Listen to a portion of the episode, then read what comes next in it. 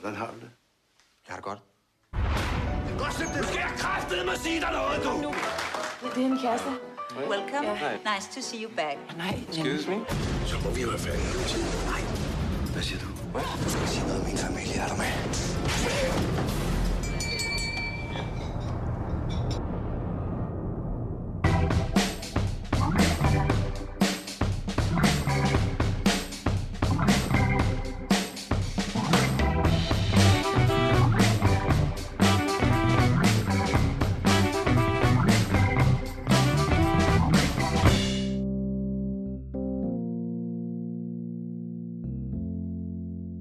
Witamy kochani w ostatnim w tym roku pełnym odcinku transkontynentalnego magazynu filmowego. Z tej strony z zaśnieżonej już na dobre Iowa O, mówi do was Darek, a po drugiej stronie mm, nasz emigrant, drugi Patryk. pierwszy Patryk, e, a drugi emigrant. e, witajcie. Ja dziś do was mówię z e, mało słonecznej Irlandii, e, mniej więcej w połowie drogi między Dublinem a, a Belfastem. Mocno wieje, zimno, ale śniegu jeszcze chyba długo tutaj nie będzie widać. Takie pytanie Patryku, jak tam powiedz pobyt? Y, Już naoglądałeś się pięknych krajobrazów, whisky wypita? Nasłuchałeś się przede wszystkim tych akcentów perfekcyjnych, y, a nie tych sztucznych z amerykańskich filmów co ostatnio? Rozumiem, że chcesz mnie tutaj e, denerwować, bo wiesz, jaka jest ciężka moja sytuacja pracowa, bo niestety, ale pracuję nad taką dziwną popołudniową zmianę, kiedy, że wracam do hotelu późno w nocy i, i ani nie ma czasu, żeby piwko wypić, bo tak naprawdę nie wiadomo, gdzie je wcisnąć, czy przed snem o trzeciej w nocy, czy jak się wstanie, ale jak się wstanie, to już tak naprawdę jest przed pracą. Niby do, do pracy jeszcze z 5 godzin, ale już myślisz sobie, no jak mogę przed pracą 5, więc słabo z tym. Jeśli chodzi o akcenty, to tylko zaczepiłem panią recepcjonistkę No, no. w firmie, która brzmiała idealnie, identycznie jak Saoirse Ronan, czy jakby to ją tam wymienić. Aha. Pani się za- zarumieniła i, i ja zapytałem tylko, czy dobrze powiedziałem, to powiedziała, że a, no tak w miarę. Także mm, dla mnie wszyscy tutaj brzmią właśnie, bo 12 lat temu ostatni raz y, i jedyny do tej pory byłem w Irlandii. Mhm. Dla mnie wszyscy brzmią jak Colin Farrell w wywiadach y, swoich prywatnych i właśnie Saoirse Ronan y, w, w tych swoich filmach, których gra. Mhm. Więc y, no tak to dla mnie y, wszystko brzmi, ale też wczoraj słyszałem od jednego pana chyba, który nie zrozumiał żartu, że mówię, że wszyscy tak brzmią, to przecież nie aż tak, ale mówi, oj to tylko są y, takie pogłoski i stereotypy. No, dobrze, mm, okej, stereotypy. Jakbym go obraził. Ale co, akcent zrozumiały, generalnie rozumiesz, co się do ciebie mówi? No właśnie, jak słyszę rano zapytanie Irish, to gdybym nie wiedział, że na czele menu stoi Full Irish Breakfast, to bym nie wiedział, co pani mówi. Ale jak ktoś się stara, właśnie jak ta pani na tej recepcji wspomnianej, czyli tak jakby chce być zrozumiała, ale utrzymuje dalej y, swój akcent, bo myślę, że to na tym to musi polegać, żeby to fajnie brzmiało wtedy. Więc wtedy jest okej, ale właśnie jak taka starsza pani zajedzie takim właśnie mm, slangiem, mm, to, to, to słabo wtedy. A widzisz. Tak pytam się o ten akcent, bo generalnie pamiętam, przypominam sobie czasy mojej szkoły aktorskiej i uczono nas akcentów różnych w języku angielskim. Mi akurat jedynemu z całej klasy najłatwiej wyszedł irlandzki. Mój profesor był zdziwiony, bo nie najlepiej mi szło z południowym akcentem, teksańskim i tak dalej, którego do dzisiaj nie umiem za bardzo. I pyta się, to co to tak jest, że Polacy akurat w jego mniemaniu to takim łatwo ten akcent wchodzi. Mówię, co wy macie wspólnego? Ja mówię, no bardzo proste po prostu. Lubimy pić, lubimy ziemniaki i zawsze mamy wroga pod granicą, który nas ch- chce zaatakować. Natomiast e, to pytanie początkowe to odnosi się oczywiście, nie wiem czy słyszeliście kochani, bo z Patrykiem sobie ostatnio o tym krótko porozmawialiśmy. Odnosi się do filmu najnowszego Johna Patryka Shanleya pod tytułem Wild Mountain Time, czyli Dziki Górski Tymianek, a nie Czas. Oczywiście Shanley to zdobywca Oscara za wpływ Księżyca z 87 roku za scenariusz, no i w tym filmie, w którym występuje Emily Blunt i Jamie Dornan, podobno wszyscy fatalnie mówią w tych akcentach, nic się nie trzyma kupy.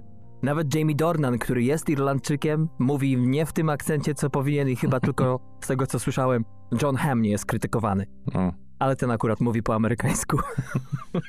no taką, taką gra przecież postać No ja tutaj już powoli sobie, kochani, wybieram dla was film na połóweczkę, w której właśnie wspomnę coś o Irlandii pewnie, jak się coś więcej dowiem oprócz tego, co, co wyczytam z filmów. Ale na pierwszy na razie rzut idzie film no, bardzo ważny, nie dość, że dobry, nagradzany, to jeszcze bardzo ważny w historii, jeśli nie najważniejszy Irlandii, czyli Michael Collins, opowiadający właśnie o takim rewolucjoniście, który poderwał społeczność do tego, żeby walczyć o niepodległość względem właśnie Anglii. I tam małą rulkę dość, chociaż tak naprawdę dopiero zacząłem, więc nie wiem jak wielka jest gra Julia Roberts, którą, no nie wiem, mm. nie jestem specem Darku, tak jak ty od tych irlandzkich akcentów, ale, ale fajnie to brzmi i tak pomyślałem sobie, że ona w ogóle takie ciekawe pozycje wybiera, wiesz, będąc taką gwiazdą po zaraz, nie, nie zaraz po, ale będąc ogromną gwiazdą po Pretty Woman, potem wybiera sobie takie małe produkcje, więc yy, ciekawie, ciekawie. No właśnie, te filmy irlandzkie, czy traktujące o tematyce Irlandii, to w zasadzie częściej wydaje mi się, że to raczej Amerykanie robią i to właśnie z punktu widzenia imigrantów.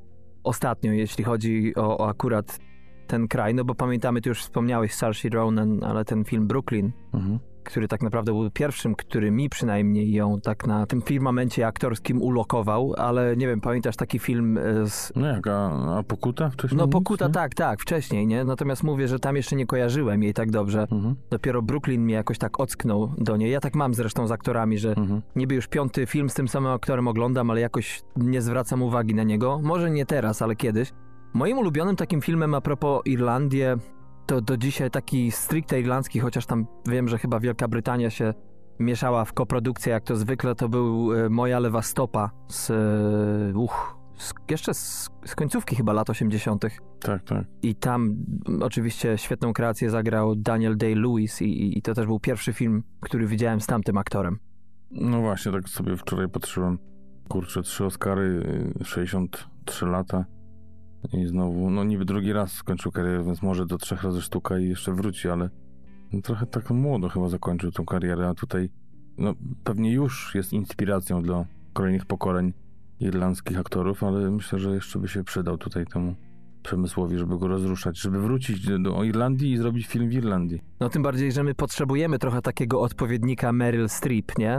Mhm. Co akurat z nią się wiąże ten irlandzki film, o którym przed chwilą mówiłem, czyli Wild Mountain Time, bo tam Emily Blunt, tam się aż krytyka dziwi, że tak nie pociągnęła tego akcentu, skoro jest jednak aktorką musicalową także, czy kiedyś przede wszystkim, więc Ci aktorzy zazwyczaj znani są z tego, że potrafią naprawdę nie tylko tańczyć, śpiewać, ale też e, świetnie potrafią opanować warstwę językową. No i właśnie któryś z krytyków użył takiego określenia, że do udźwignięcia tej roli jeszcze z tym akcentem potrzeba iście stripowskich umiejętności. Mhm. Teraz wychodzi z nią, o ile dobrze pamiętam, film na HBO Max, także muszę sprawdzić, bo pytanie, czy to będzie kolejna pozycja w której Meryl Streep będzie odcinała kupony, tak jak ostatnio w, przecież e, w Kłamstewkach w drugim sezonie. To znaczy ona grała tam świetnie i w ogóle, ale... Nie no, wiesz co, e, ja myślę, że tak, że Kłamstewka to jest w ogóle powrót e, bardzo ciekawy do samej formuły serialu. No przecież tak. po latach, to nie wiem, 30 czy 40, kiedy grała kiedyś. w końcu zeszła na dół, tak? Dokładnie, wróciła. Skąd przyszła? A ten film ma być przecież oparty przede wszystkim na improwizacji, więc y, myślę, że tutaj możemy zobaczyć całkiem inną Meryl Streep. Mhm. Więc myślę, że to też jest jakieś wyzwanie dla niej i chyba to nie jest odcinanie kuponów, bo po prostu może nie wyjść, tak? Zobaczymy jak te improwizacje, nie tylko jej, bo przecież tam kilka świetnych starszych aktorek gra, jak to wszystko wyjdzie. No tak, nie no, śmieję się oczywiście, bo w jej przypadku to nie jest odcinanie kuponów, a jeżeli jest, to wychodzi jej tak samo dobrze jak te kupony. Hmm. Natomiast e, no pytanie właśnie, czy to, że my chcemy tego Daniela Day-Lewisa z powrotem w kinie, to, to po prostu nie jego wina, że tak dobrze nas przyzwyczaił do tego swojego kunsztu, że teraz czujemy się jak te opuszczone dzieci, które po prostu wujka Daniela, no bez wujka Daniela ani rusz, bo nie ma w zasadzie... Nie wiem, czy ty masz kogoś takiego, widzisz takiego aktora, który byłby w stanie, powiedzmy, zastąpić go, no nie zastąpić, ale przejąć schedę? Nie, no, z wielu tych y, młodych aktorów którzy gdzieś tam pewnie z czasem będą się wyrabiać, tak jak przecież Brad Pitt w Stanach też zaczynał od takich komedyjek i teraz jest przecież świetnym aktorem, tak może w końcu się wyrobi i przestanie pić Colin Farrell. No przestań, to w ogóle przestanie aktorzy. Nie no, żartuję, ale, ale wiesz, też jest tam, nie wiem, 20 lat młodszy od y, Luisa, więc może w końcu wejdzie na te wyżyny, a wiesz, os- Oscarowo, globowo, Mhm. baftowe i, i przecież już miał takie role jak y, Brugi, No tak. więc y, czy tam ten tragiczny tytuł najpierw strzelaj, potem zwiedzaj, czy na odwrót. Mhm.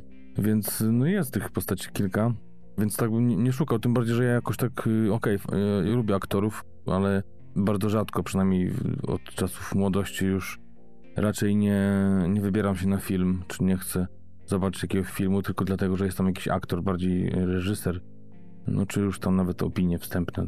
No tak.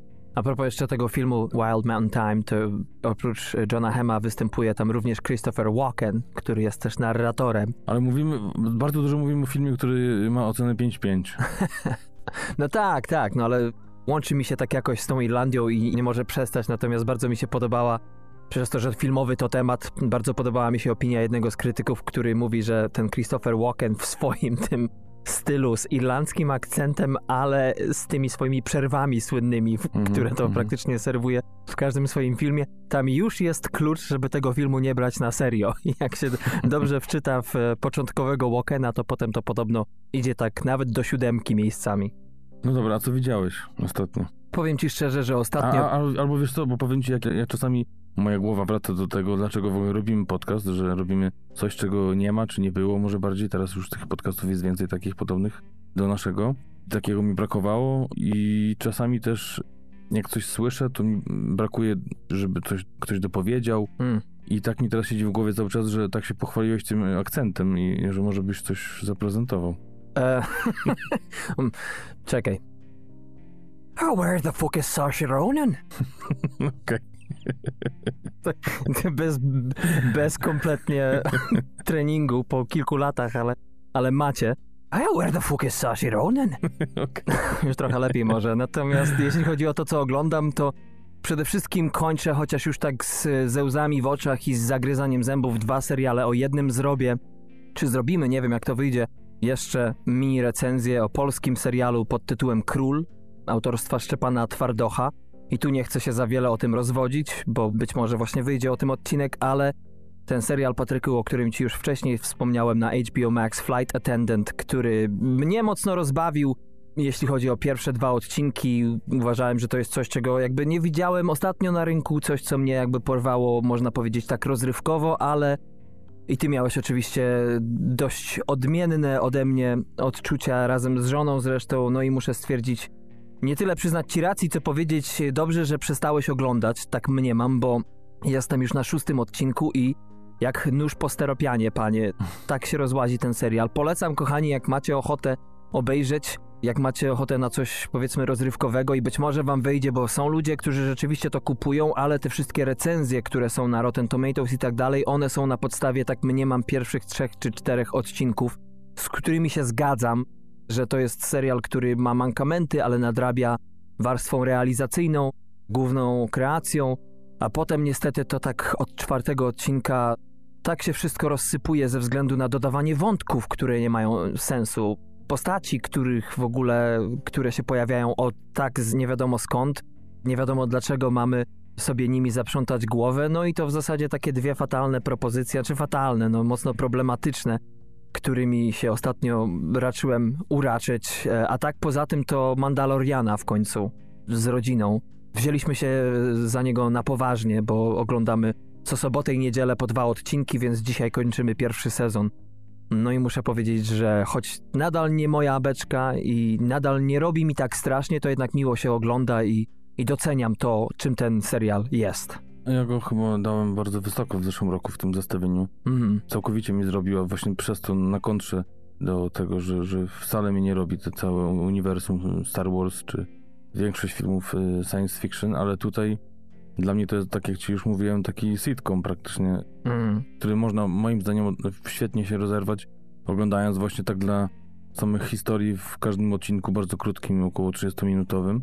Chociaż mamy naszego wspólnego kolegę Bartka, który jest psychofanem Gwiezdnych Wojen i mówi, że bardzo dużo jest takich właśnie elementów poukrywanych, więc fajna taka moim zdaniem ogólnie wyszła kombinacja pewnie Mhm. y, właśnie takich ukrytych tipów a propos całej tej e, sagi i jeszcze mm, dla takich totalnych żółtodziobów i niedzielnych kierowców, jak właśnie my jesteśmy, też jest coś fajnego i ja to zawsze się pośmieję. Chociaż ten drugi sezon już mnie tak nie robi. Mm. Jestem po szóstym odcinku, widziałem, że już siódmy wyszedł i pewnie skończę, ale to już jakby nie ta świeżość, trochę chyba żart tak trochę zależał.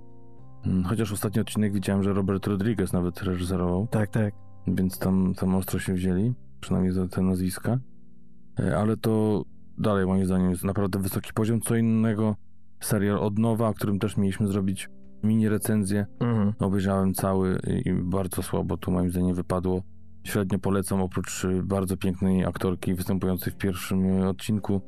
Nie wiem, co ten biedny David E. Kelly będzie musiał zrobić po raz kolejny, żebyśmy do niego się przekonali, bo jeszcze pierwsze kłamstewka, okej, drugie to już tak po bandzie, a tu to już chyba za. Dokładnie, dokładnie. A to bardziej dziwiło, że, że wiesz, że dalej uwierzyła mu w to Nicole Kidman i poszła i jeszcze do tego włączyli moim zdaniem tragicznego w tym serialu Hugh Granta i też jeszcze kilka bardzo nietrafionych postaci, na przykład postać policjanta, w którego wciela się Edgar Ramirez, Mhm. jeden z moich takich ulubionych y, aktorów południowych, można powiedzieć, który, no nie wiem, zupełnie tutaj nic nie gra, w ogóle do niczego nie pasuje.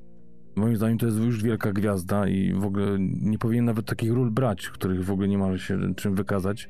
Nie wiem, po co wziąć południowo, wiesz, amerykańskiego aktora do roli przeciętnego nowojorskiego policjanta, y, który zupełnie w ogóle nie ma żadnej tutaj praktycznie roli. Tak, tak. Oprócz tego, że jakieś tam zagrywki mimiczne i, i walka praktycznie wzrokiem w kilku scenach z Nicole Kidman, bo jak to powiedział bardzo fajnie pan Tomasz Raczek, zresztą polecam jego przezabawnie cudowną e, ocenę tego serialu, że Nicole Kidman to po prostu to są oczy i dziubek.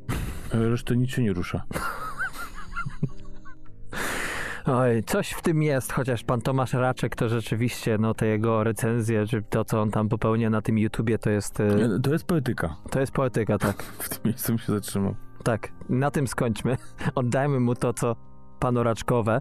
Jeśli chodzi o Edgara Ramireza, to kompletnie się zgadzam. Ten facet rzeczywiście y, trzeba się z nim zapoznać, jeżeli ktoś jeszcze nie, nie wie, bo to jest y, ciekawa, jeżeli interesujecie się kinem, ciekawy naprawdę aktor.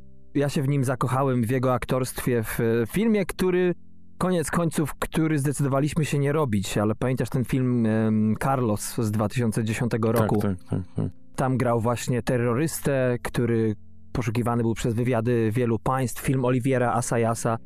No i przecież, mimo już w drugiej części tak naprawdę ten film się rozłazi, to Edgar Ramirez to jest facet, który tak naprawdę trzyma to wszystko do kupy.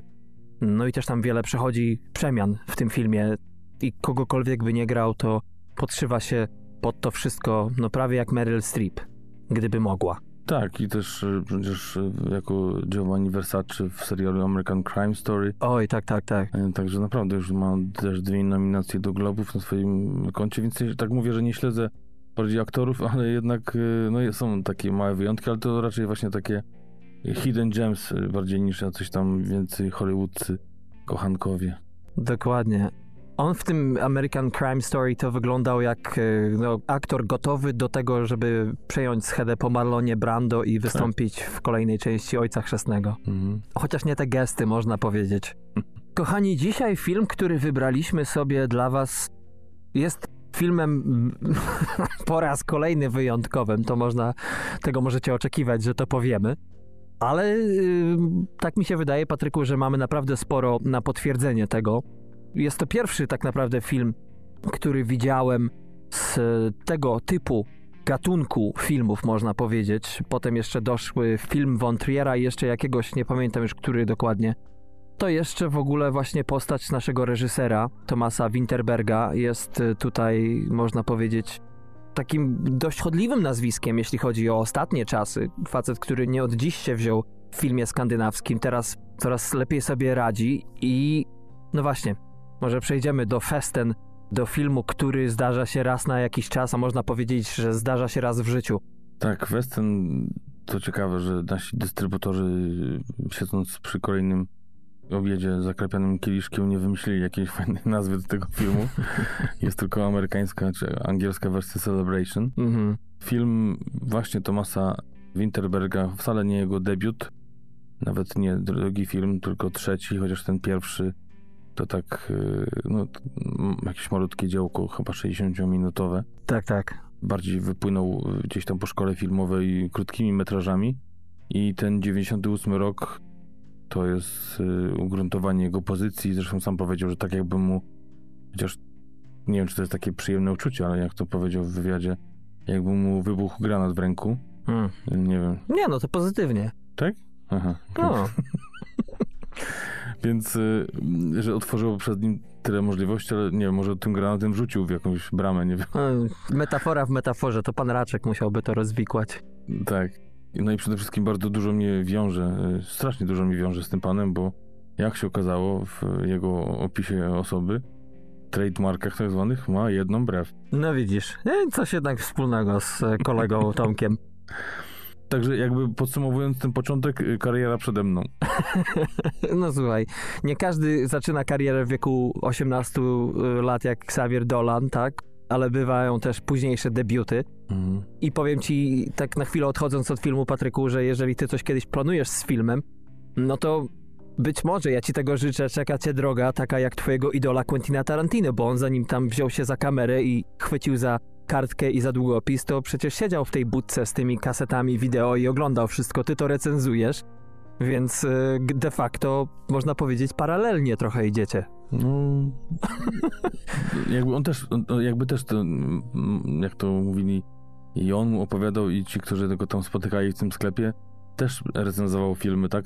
Opowiadał o nich i, i gdzieś tam wybierał. To zawsze była jakaś historia, to nie było po prostu, że pan ci podaje kasetę w czarnym opakowaniu i mówi, że to jest kryminał, tylko wszystko opowiadał, e, także no, jest to jakiś tam sposób e, pokrętnie e, tą samą drogą, można powiedzieć. Tak, tak, a nawet jak to nie jest pomysł, to taki idealny icebreaker, bo powiem ci, że jak siedzę czasami, no teraz to rzadko, ale w jakimś tam nowym towarzystwie i schodzi gadka na filmy, no to szybko wchodzę na naszą stronę www, czy na nasze odcinki na Spotify, lecę w dół i, i patrzę, co by akurat tutaj zasunąć, nie? Tak, tak. I, i, I przez to, że się pamiętaj, ma się te notatki w głowie z tych odcinków, no to, to od razu się człowiek encyklopedia robi. Wiesz to ja, ja teraz też ostatnio koledze z pracy Włochowi zresztą i Bułgarowi dwóm opowiadałem właśnie Mhm. e, o, o, o tych filmach, o tym, że się interesuje i też okazało się, że ten Włoch też dość mocno zainteresowany kinematografią i włoską i w ogóle też oglądał nawet ostatnio ten film e, z Sofią Loren i, i taki jak to Włoch, z Sycylii zresztą, A no, ty. Zresztą nazwisko Casabene, już zapytałem, czemu nie jest gwiazdą filmową, bo Luca Casabene, już nie mówiąc o tym, że pierwsze imię to trochę wiem dlaczego przemilczę, ale Aha. Roko, e, więc dość słynna postać, więc używa tego, tego drugiego na co dzień. Mhm. Tak czy inaczej, nazwisko jak, jakby nie było filmowe Aha. i opowiadał, że oczywiście naj, najbardziej go kręcą filmy gangsterskie, właśnie Chłopcy z Ferajny, Coppola i w ogóle Ojciec Chrzestny. I tak y, właśnie zaczął wymieniać tych aktorów, to tak sobie pomyślałem, że przez ten podcast, że gadamy właśnie o takich rzeczach, czasami się, wiadomo, pojawią jakieś tytuły znane, czy, czy postaci, czy, czy reżyserzy, czy, czy aktorzy znani, mm, to jednak y, nie mówimy za dużo o jakiś De Niro czy Pacino, a to nagle taka dyskusja, czy dobry jest Pacino, czy De Niro, czy że ten jest świetny, że tam Meryl Streep, czy Sofia Loren i takie dla mnie oczywiste, trochę trywialne tematy się pojawiły, w których nawet nie chciałem za bardzo uczestniczyć, bo dla mnie to jest gadanie o czymś tak oczywistym, że no jakby nic nie wnosi do mojego życia No, kinematograficznego. no tak, jak u siebie tutaj rozpoczynam jakiś temat, to, to też wychodzi z tego chryja albo, albo nic, bo często albo się wyłączają, jak już tylko mówię o, o jakimś znanym twórcy, a do Manka to już drugi tydzień nie potrafię przekonać, bo czarno-białe. Natomiast, no tak, jeśli chodzi o Festen, tak na chwilę wrócimy do, do tematu odcinka, tylko na chwilkę. tylko na chwilkę, kilka najbliższych minut, to y, jest to film z 98 roku, tak jak Patryk powiedział, film, w którym to Helge, czyli senior rodu, no głowa rodziny bardziej niż senior rodu, bo tam są jeszcze osoby starsze, o ile dobrze pamiętam, to ojciec y, głównego bohatera Mhm. zasiada tam i, i też e, wygłasza przemówienie e, nieraz. No, kto jest głównym bohaterem tej y, imprezy, jest powiedzmy Helga, ale już filmu to już kto inny. Tak, tak, tak. No ale on kończy akurat 60 lat, więc do posiadłości rodzinnej w Danii przybywa cała rodzina. która ma się tam zebrać, spędzić noc, celebrować, zjeść śniadanie Tak jest. razem i się rozjechać. No i, no i co się dzieje? Oczywiście pojawiają się pewne, można powiedzieć, lekkie komplikacje, prawda? Jak to w rodzinie. Ta, dać wujkowi kieliszek, to się otworzy. Nie w tę stronę. Tak, y, mamy rodzeństwo, trójkę rodzeństwa, dwóch braci i siostrę. Też bardzo szybko dowiadujemy się, że y, niedawno umarła jeszcze druga siostra, Tak, tak. y, właśnie czwarta z rodzeństwa, więc to też jest taki ciężki czas dla rodziny, bo, z jednej strony chcą jakby trochę podtrzymać tą tradycję, trochę jakby tą rodzinę rozweselić, a z drugiej strony też no, wspominać tą zmarłą siostrę. Mhm. Więc to jest takie już założenia takie trochę słodko-gorzkie. Yy, Od razu wiadomo, że nie będzie dobrze. A to jest tylko zarzewie tego, co się będzie działo przez najbliższe godzinę i 45 minut. No, zarzewie to w ogóle jakby nic nie powiedzieć, masz rację, bo jak sobie przypominam, jak ten film się zaczyna, bo jedną z głównych postaci, tak jak powiedziałeś, jednym z członków tego rodzeństwa jest grany przez Ulricha Thompsona, faceta, którego możecie znać z takiego filmu jak Jabłka Adama, Christian, który mm, jest bratem bliźniakiem zmarłej siostry. Więc y, ten film bardzo niewinnie się zaczyna od po prostu wizyta w domu. Przyjeżdża Christian z zagranicy, bo akurat y, tak mu się ułożyło życie. No i można powiedzieć, że reżyser daje nam wyczekać ile? Ze dwie minuty? Trzy maksymalnie? Zanim to wszystko rusza z kopyta i tak naprawdę, no odpuścić to odpuszcza. Wykoleja się tak naprawdę to wszystko, można powiedzieć, według rytmu porządnej imprezy, prawda? Bo mimo już ten film jeśli chodzi o akcję, to zaraz powiemy o akcji i czasie jej. Natomiast y, mimo wszystko podąża jakby jakąś krzywą wykładniczą. Tak, w ogóle troszeczkę zbaczając tego filmu, to przejrzałem ostatnio top 500 film webu i tam okazało się, że nie widziałem kilku filmów. Kilkudziesięciu, kilkudziesięciu, ale właśnie jednym z nich jest y, film, który jest remake'iem filmu, w którym grał niesamowitym filmie, zresztą zakładam, że też mało znanym w Polsce, właśnie Ulisha Thompsona, czyli bracia, Tak, tak. więc no, to jest jedno z moich wytłumaczeń, dlaczego tego filmu nie widziałem, bo po prostu widziałem genialny oryginał, więc po co sięgać po jakieś szmatłajstwo amerykańskie, które jak się okazuje też ma wysokie oceny, ale, ale z tego co kojarzę, to tam jest topek w topek wszystko poprzenoszone, Mhm. więc y, no, to jest też jeden z takich, jeśli chodzi o kino skandynawskie, nordyckie, to, to jeden z moich ulubionych, oczywiście obok Madsena trochę mi brakuje w tym filmie, bo potem przecież wiele razy współpracował, zresztą nawet y, w ostatnim filmie z, właśnie z naszym dzisiejszym reżyserem przy Another Round, czyli na Rauszu chyba po polsku, Tak, tak, który tak. jest świetnie oceniany. I powiem ci, że no czasami żałuję, że jestem, nie jestem w tej Polsce, bo jak się okazuje w Stanach Zjednoczonych ten film będzie miał premierę w grudniu 18, więc no można powiedzieć, że niedługo, a w Polsce już miał 27 listopada, a w Holandii będzie 18 marca, więc No właśnie. I to też ten film, o ile dobrze widziałem, będzie dostępny oczywiście na VOD, chyba w kinach też w jakiejś tam ograniczonej dystrybucji, ale nie będzie wcale takim tanim. To nie będzie kolejny na Amazon Prime, który będzie można sobie albo obejrzeć za darmo, albo wypożyczyć za 2,99 dolara. Natomiast rzeczywiście, jak się patrzy na jego na Rauszu, który powstał 22 lata, no prawie 23 od momentu nakręcenia dzisiejszego obrazu, no to widać, że Winterberg. Zresztą, jak się przestudiuje w ogóle jego filmografię, to widać, że ten twórca po prostu coraz śmielej sobie, coraz odważniej czyni, bo na pewno zakładam, widzieliście taki film jak Polowanie, wielu przynajmniej widziało z 2012 roku. Tam Mads Mikkelsen grał główną rolę. Potem był film, nie wiem czy ty Patryku widziałeś, bo tam twoja ulubiona aktorka występuje, ale z dala od zgiełku w 2015, czyli Carrie Mulligan. No i Matthias Schoenaerts, o którym ty kilkukrotnie ostatnio e, opowiadałeś, bo pojawił się w dwóch twoich filmach, e, Głowie Byka i bodajże Lofcie, e, gwiazda kina belgijskiego. Ja widziałem z ostatnich filmów, nie widziałem Komuny jego, widziałem Kursk, który całkiem mi wszedł. Nie powiem, nie był to jakby genialny jakiś obraz, ale ale się dobrze bawiłem. Natomiast Thomas Winterberg dzisiaj, a Thomas Winterberg w 1998 roku, no to nie wiem, czy tu jest jakikolwiek mianownik wspólny. No nie, wydaje się, że całkowicie zmienia. Oprócz tej komuny, ale to też, y, też gdzieś wyczytałem w wywiadzie, że to jest trochę taki jego powrót do, do tych korzeni, do, do czasów dzieciństwa, gdzie właśnie dorastał w takim właśnie w takim środowisku hipisów, Mhm. A teraz poznał młodą żonę, drugą, więc y, gdzieś tam powraca do, do tych czasów radości i może chce pokazać, że dalej jest młodzikiem, chociaż na karku już wtedy miał 47 lat. Mhm. teraz mam 51. Tak jak mówisz, mocno wspina się mm, i wydaje się, że fajnie, że y, chwilami wraca mm, na ten swój rynek duński, ale jednak y, w tym Hollywood coraz większe te filmy robi. Już Kursk jest tego największym dowodem. Y, Też przecież pojawił się film z y, Joaquinem Phoenixem.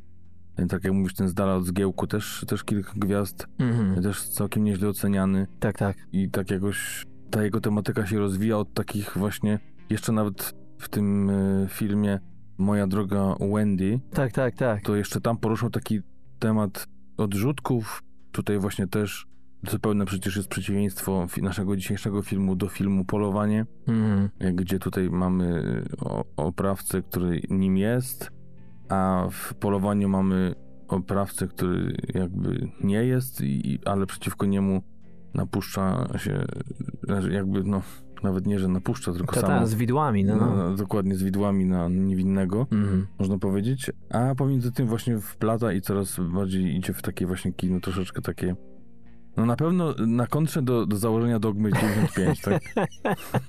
No właśnie, chłopakowi się szybko odwidziało, bo tak się zawzięli z Larsem von Trierem.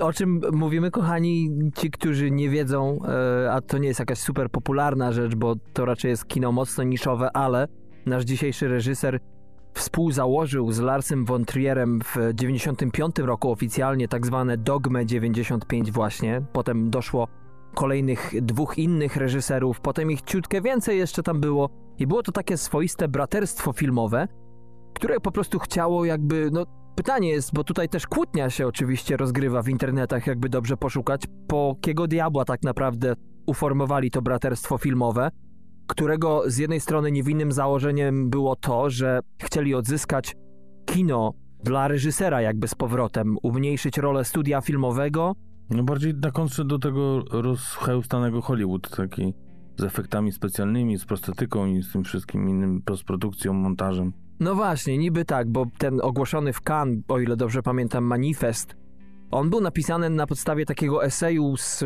Boże, sprzed 40 lat przed e, powstaniem Dogmy.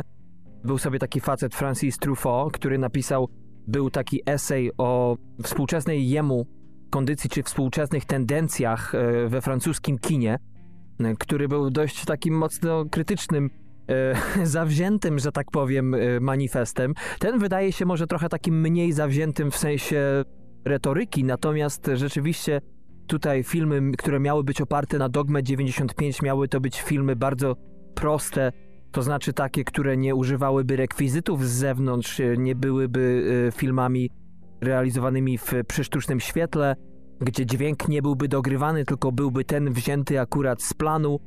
Em, Też wszystkie sceny muszą się odbywać, nagrywać w lokacjach, nie w żadnych studiach. Tak, tak. Jedność czasowa, tak, tu i teraz nie ma wielkich przeskoków, chociaż to akurat w dzisiejszym filmie są jakby przeskoki. No, to nie trwa 24 godziny, czy tam nawet tyle, ile trwa akcja filmu.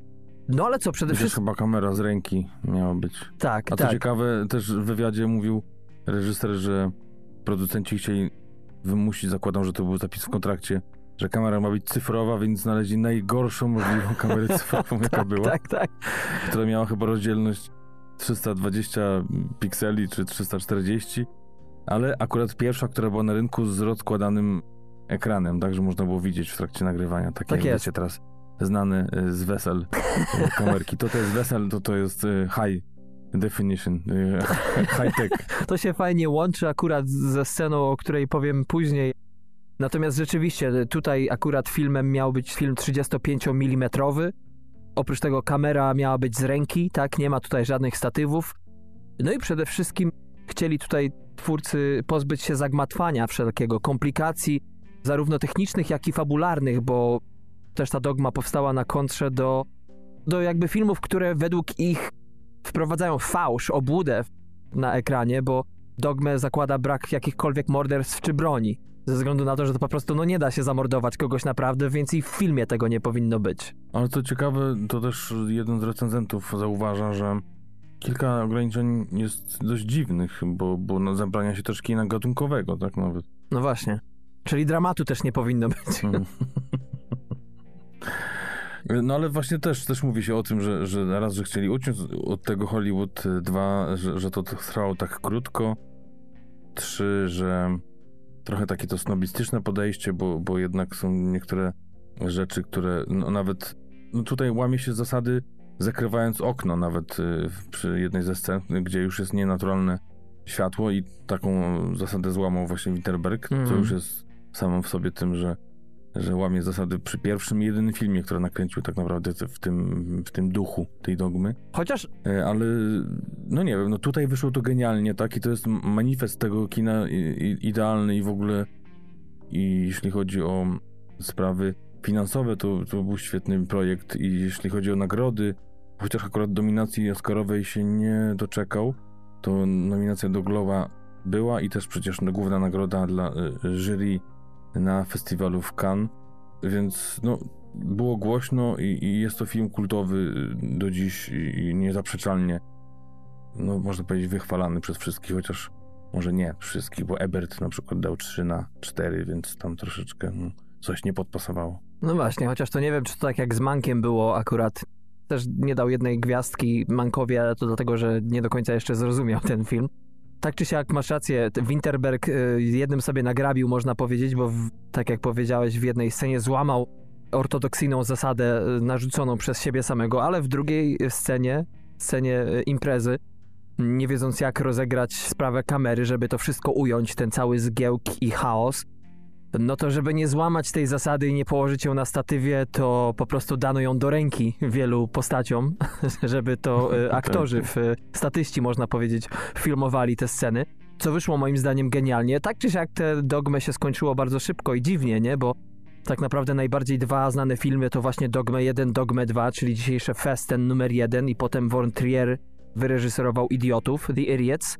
I ruch tak naprawdę rozpadł się 15 lat temu, w 2005 roku. Powstało 31 filmów. No i dlatego nie ma więcej, bo wcześniej musiały być one opiniowane, z czym się też wiąże komplikacja, prawda, Patryku? A potem już nie było komu twierdzić, że to rzeczywiście kolejne filmy też mogą być podpięte pod ten ruch. No właśnie, to są też y, takie produkcje z takich krajów jak Argentyna, Stany Zjednoczone, Francja i wydaje się, że żeby utrzymać ten rygor, który trwa od y, właśnie tak naprawdę scenariusza po postprodukcję, to, to trzeba jakiegoś cenzora tam na, na to miejsce. A jeśli główni założyciele łamią te zasady w kolejnych filmach, czyli jakby odchodzą, bo widzą, że tracą bardzo dużo ze środków wyrazu, Mm. Przecież y, już samo polowanie, y, może akurat nie, nie tak, że to zaraz po, po zakończeniu, bo 7 lat później powstał, ale to też jest mały film, można powiedzieć indie taki, i, i, ale z, z takim pietyzmem zrobiony, piękny, artystyczny i też skupiony na historii, na, na aktorach i nie wiem, tak dochodzę do tego, że ten recenzent mówiąc o tych snobach, to miał dużo prawdy chyba jednak w tym. I, i takiej trochę może hipokryzji trochę w nich. Ja szczerze powiem, że, że, że pomijając już subiektywne odczucia na ten temat, to, to trochę tak pechowo wyszło, bo chłopaki zamiast po prostu po cichu zrobić film, nie nazywać tego jakimś wielkim ruchem, tylko skrzyknąć się, zrobić to, nie tłumaczyć nikomu tego, musieli to jakoś pewnie, nie wiem, zareklamować. Zrobili to. Potem po pierwszym filmie, czyli właśnie tym dzisiejszym i tym filmie Triera Idioci, stwierdzili, że no oni już się wyprodukowali, wystrzelali tutaj, bo ja nie wiem, jak Winterberg mógłby popełnić lepszy Ciężko mi jest wyobrazić sobie lepszy film jego autorstwa właśnie w tym stylu, o czym jeszcze powiemy. No i tak się rozeszli panowie, założyli ruch, zdjęli rękawiczki, umyli łapy i, i tyle, i do Hollywood, nie? Dokładnie, chociaż y, no jakby czy nie mogli zrobić po prostu braterstwa krwi na dwa filmy i tyle, po co to zakładać, tak? I a, zakładam, że wielu ludzi jednak y, poszło w to za nimi, wierząc w ich talenty, wierząc w ich jakieś tam górnolotne jakieś zasady, y, które za tym stały i nagle oni to rozwiązali i, i gdzieś tam pewnie zakładam, że wiele projektów stanęło w połowie nagle i to teraz już nie będziemy tą dogmą A bez tej etykietki pewnie wiele produkcji może nie powstało, czy, czy gdzieś tam zostało wstrzymanych ostatecznie. Tak jest, tym bardziej, że to właśnie jest y, jeden z kolejnych, to nie jest najnowszy ruch Indii, to jest jeden z wielu, bo i był przecież nowe purytańskie kino kiedyś było w Nowym Jorku w latach bodajże, o ile pamiętam, 70. i 80. taki ruch jak No Wave Cinema, więc tutaj akurat to się strasznie tak niczym nie różni. Ale rzeczywiście, no nawet ci idioci w Larsa von Triera, to jak ci wczoraj powiedziałem, to to jest taki, można powiedzieć, pierwszy prawdziwy jackass na, na dobre kilka lat przed e, powstaniem e, produkcji amerykańskiej. Chodzi o sam pomysł tak naprawdę tego, że, że to jest tak wszystko kręcone jakby tylko, że akurat Jackass oczywiście to, to jest grupka gości, którzy generalnie chcą zrobić coś głupiego, a Trier jednak u Triera to nie była ustawka, tylko akurat to się działo na serio, Mhm. jeśli chodzi o akcję filmu. Kończąc temat dogmy, przechodząc do samego filmu, dzisiejszy film tak naprawdę jest pierwszym i jedynym filmem w e, karierze Winterberga, który podąża za e, sztywną regułą dogmy 95, to znaczy widnieje tutaj całkowity brak nazwiska reżysera w napisach. Tak naprawdę jest mu ten film liczony na poczet, można powiedzieć, przez portale internetowe i, i ludzi takich jak my. Wiesz co, nie dodajmy tego nazwiska do, do tego tytułu. Teraz myślę, że to dobry pomysł. Jeśli faktycznie to ma nie mieć tytułu, to, to tak to zróbmy. No dobra, Bo to jednak dobre, bo jak ma nie, nie być, to nie być, tak? no dokładnie. No, chciałem po prostu uhonorować, wczoraj ci to mówiąc, Mhm. że skoro Thomas Winterberg nie potrafi sam uhonorować dogmy 95 tak do końca i nie, nie tylko je łamie już w pierwszym filmie, to jeszcze wychodzi, no to to trochę jak zdrada, wiesz, w trakcie nocy poślubnej, prawda? Już nie mówiąc o tej niezliczonej ilości wywiadów, które dał jako reżyser tego filmu. Oj, dokładnie. No ale mówię, chłopaki skrzyknęli się, nie bądźmy Hollywood, co też rozumiem poniekąd, bo jest troszeczkę w prawdy w tym, widząc po sobie, na przykład po swojej karierze, w karierze w cudzysłowie, ale potem jak mi się tłumaczyło, czym jest biznes, show biznes w Stanach Zjednoczonych i tak dalej, to rzeczywiście to jest jakiś sens tworzenia takiego oddolnego ruchu i nie wchodzenia w tryby tej machiny, bo tak naprawdę dzięki temu tworzy się wiele nazwisk. Bardzo wielu twórców dzisiaj, których znamy za wielkie produkcje, tak naprawdę zaczynali. Niektórzy z nich pozostali przy swoim kinie, ale zaczynali właśnie od czegoś, czego na rynku nie było w taki czy inny sposób. Poza tym, że to też było filmowane i też byli aktorzy na ekranie. No tak jak Jim Jarmusch, który podobno no, kultowy jest od przynajmniej 30 lat, a dalej, dalej ma problem z zebraniem budżetu na kolejne swoje produkcje. No dokładnie. Niektórzy ludzie się nie uginają pod naporem czasu i emocji. Natomiast, no tak, jeśli chodzi o dzisiejszy film, to bardzo wiele jest tutaj przejawów tego Dogmy 95 i on tak naprawdę dzieje się na początku tak niewinnie, można powiedzieć, ale potem ta kamera jednak i ten sposób... A powiedz mi szczerze, bo, bo, bo wiesz, jakby Mhm. to trochę inaczej może oglądałeś niż ja, bo ja ci go mocno polecałem. Ja go słyszałem gdzieś w jakiejś audycji, potem wiedziałem, że ma wysoką cenę, ale więcej nic o nim nie wiedziałem, więc jak, ja- jak ja go włączyłem, to Mhm. szczerze mówiąc chyba po pięciu minutach wyłączyłem, bo tak mnie denerwowała ta kamera roztrzęsiona, y, mało wyraźna, że trochę się bałem tego, że po prostu zmarnuję czas. Potem gdzieś po kilku dniach wróciłem i zupełnie no, jakby rozwali mnie na łopatki, ale no tak wygląda na początku słabo, chociaż przecież ten autor zdjęć to dzisiaj jest poważany pan, przecież Antony Dot Mantle, zdobywca Oscara za Slumdog Millionaire i w ogóle No no tak. takie ma filmy na koncie jak Antychryst czy Ostatni Król Szkocji, na, albo nawet y, 28 dni później, więc no już y, teraz to jest uznana marka na rynku. Wtedy zresztą też nie, nie debiutował już przy bohaterach, też współpracował z naszym dzisiejszym reżyserem, Mhm. ale teraz to już jest top topów. Tak, no tym bardziej, że teraz właśnie jest głównym realizatorem zdjęć do serialu, o którym wspomniałeś dzisiaj, czyli The Undoing. Zrealizował też Kursk z dzisiejszym reżyserem 327 godzin, z nominowanym do Oscara Jamesem Franco, który też mną wstrząsnął. I muszę powiedzieć, że ta super realistyczna kamera, bo wyobraźcie sobie, kochani, żeby najlepiej chyba oddać sposób filmowania tego filmu, to wyobraźcie sobie, że E, Jeden sposób to jest kamera stojąca 10 metrów przed facetem, który rusza się w pewien sposób, wymachuje ramionami i tak dalej. A za drugim e, razem ta kamera jest pod pachą i z jego lewej strony, i z prawej strony, i przed oczami, i wokół niego kręci się. No generalnie Kamera tu robi, można powiedzieć, oprócz wielu innych czynników, które także musiały zagrać na planie, robi tutaj ogromną różnicę, bo ja to sobie powiedziałem, już mogę podsumować ten film. Wydaje mi się, że najlepiej oddaje to sposób realizacji tego filmu dla mnie, że to jest najbardziej efektowny, najbardziej ekscytujący, nudny film, jaki kiedykolwiek w życiu widziałem. Hmm. Bo tak naprawdę jego akcja, czyli rodzina przybywa, oczywiście dzieją się hece, to powoli co tam jest problemem w tej rodzinie, te sekrety, które wychodzą na jaw, one oczywiście tam wyprowadzają kolejne oddolne kuksańce, ale już właśnie nawet to, że tutaj tak naprawdę to nie jest coś niezwykłego. To aktorstwo zresztą jest, można powiedzieć, bardzo realistyczne, bardzo naturalistyczne. Mhm. I dzięki temu, że ta kamera w ogóle jest tak efektownie zrobiona, już nawet w trakcie tej podróży do domu, posiadłości, Jak i tam jest montaż ty- typu James Bond. tak, dokładnie. To, to jest po prostu niesamowite, że wyobraźcie sobie herbatkę u babci, tak, nakręconą przez twórców Avengersów. Chociaż ktoś tam chyba w komentarzu był na YouTubie, że tak jakby wynajęli. No właśnie, do końca nie, nie wiem dlaczego akurat o tych dwóch postaciach wspomnieli, ale Shaquilla O'Neala i danego DeVito do tego, żeby trzymali kamery. Dokładnie. Jest ona bardzo dynamiczną, która zresztą nie jest wolna od imperfekcji, co mi się podobało, bo nie wiem, czy Patryku, ty to widziałeś. Podobno jest błąd w, w tym filmie, że, że tam kamerzysta się pokazuje i, i podobno reżyser nie chciał tego wyrzucić właśnie za cenę jeszcze głębszego ukontekstowienia dzisiejszego filmu w tej dogmie. Ale wydawało mi się na początku kilka razy, jakby ta kamera jednak.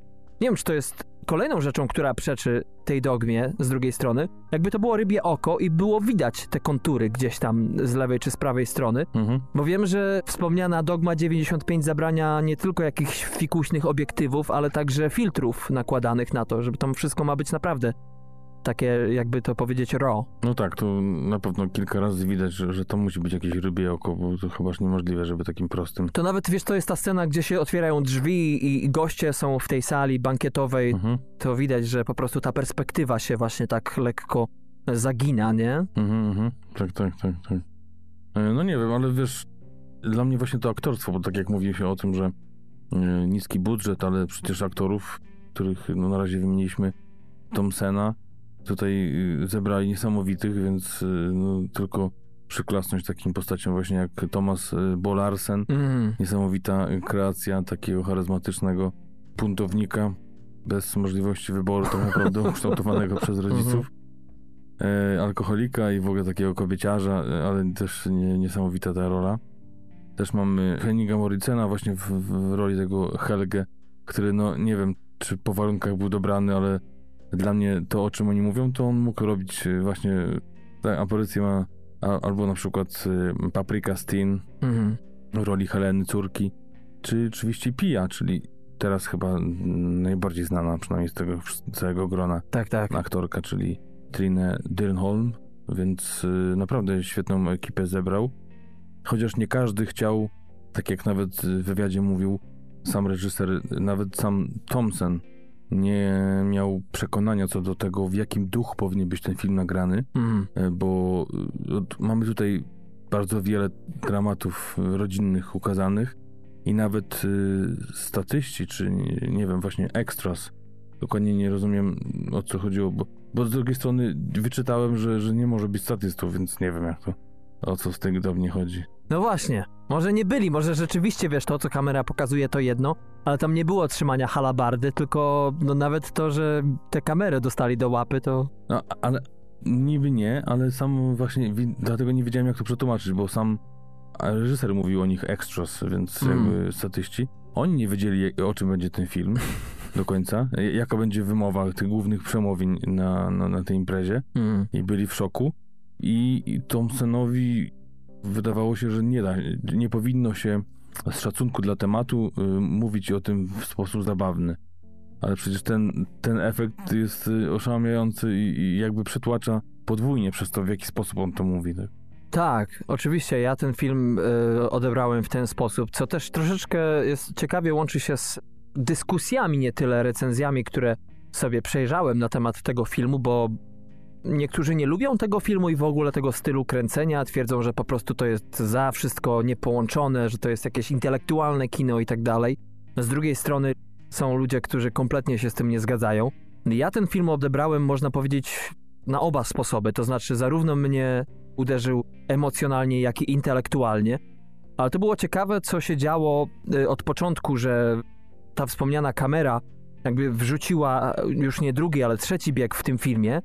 I to, co jest clue tej całej historii, to, co jest tym jakby naj, no można powiedzieć, najbardziej przykrym elementem, uderzyło mnie, no naprawdę, w, i to bardzo nisko w żołądek, ale w taki sposób, że to od razu się rozeszło po mnie, że to nie było, wiesz, nie był moment, kiedy ja nie mogłem oddychać albo czułem się strasznie smutny, czy w jaki innykolwiek sposób. Po prostu poczułem się źle.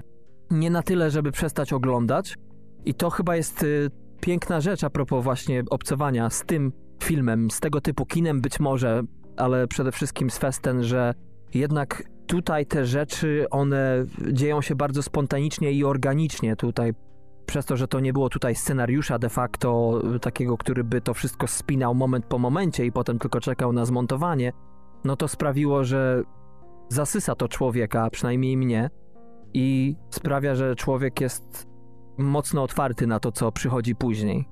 Właśnie trochę mam taką już zamgloną wizję tego mojego pierwszego seansu, bo myślę, że to było no przynajmniej 6 lat temu, 7 i teraz jakkolwiek pamiętałem scenę po scenie, co się działo, to jednak główne założenia gdzieś tam szybko odżyły, jak wiesz, zupka zalewajka, od razu to, te wszystkie uczucia wróciły. Chociaż nie wiedziałem, wiesz, w, w których momentach, ale to jednak byłem przygotowany na to, co się będzie działo i, i jakie te skrywane historie mm, i dramaty wyjdą na jaw i kiedy mniej więcej. Więc to mnie tak aż bardzo nie uderzyło, chociaż niestety wybuchłem jednak. Nie powstrzymałem się na koniec, jeśli chodzi o płacz.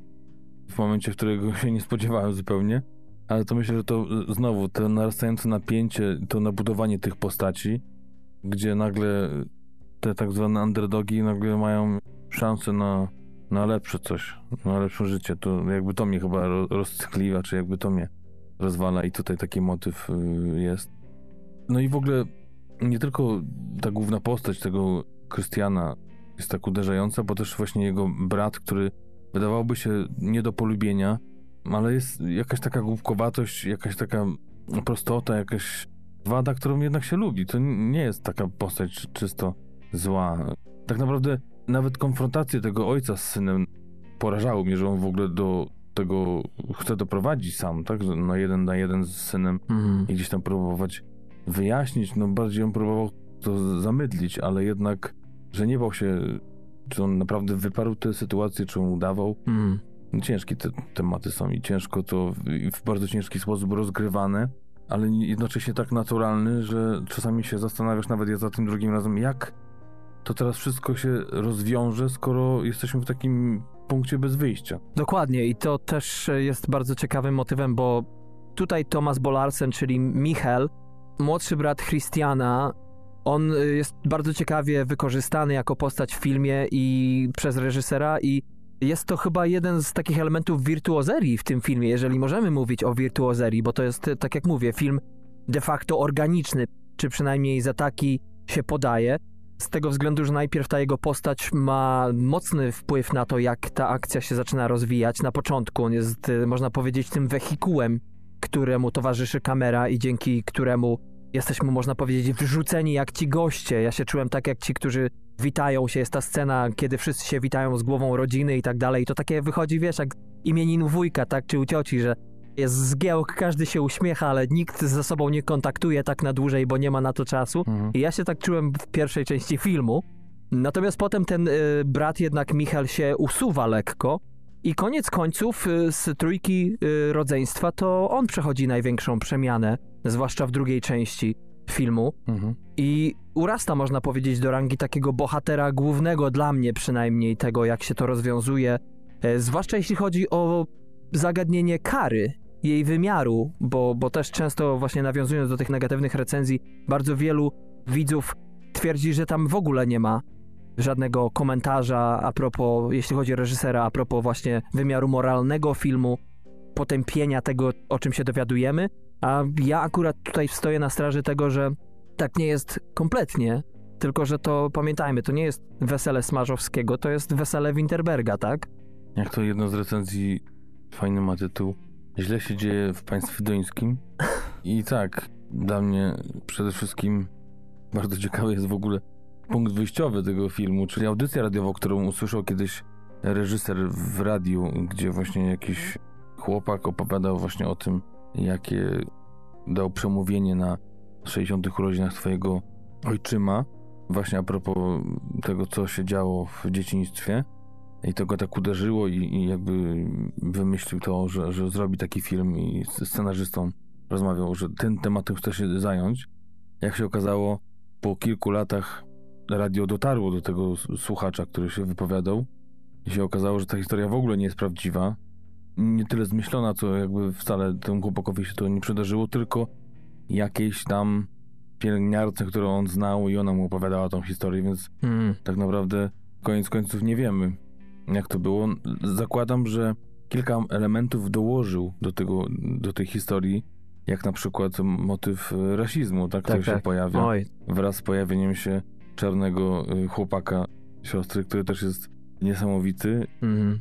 I tutaj mamy akurat, nie będę mówił dokładnie kiedy, ale tu mamy cameo akurat y, reżysera, tak, tak. bo się pojawia na chwilę w filmie. No i to jest ten motyw, kiedy tak naprawdę istnieje to rozwarstwienie i jeżeli ludziom brakuje emocji w tym filmie i brakuje im właśnie jakichś wyciągnięcia konsekwencji, cięższych tematów, oprócz oczywiście tego sekretu, powiedzmy, czy tych sekretnych spraw, które wychodzą na jaw, to ja te rzeczy znajduję akurat właśnie w tym momencie, kiedy nie tylko widzimy zmaganie się wszystkich z tym, co zaszło, tym, co powiedzmy zachwiało uroczystością rodzinną, i pojawienie się jeszcze czarnoskórego chłopaka i to, co wychodzi, bo tam jest, są śpiewane różne piosenki, on w ogóle jest pomijany tak naprawdę przez wszystkich. To otwiera przestrzeń po prostu do takiego szoku dla mnie, że tam ja nie potrzebuję jakiegoś komentarza większego. Zamiast reżysera, który mi powie o co chodzi, który skomentuje, ja czuję się jak kolega tego czarnego skórego gościa, który z nim przybył, Mhm. też obcokrajowiec.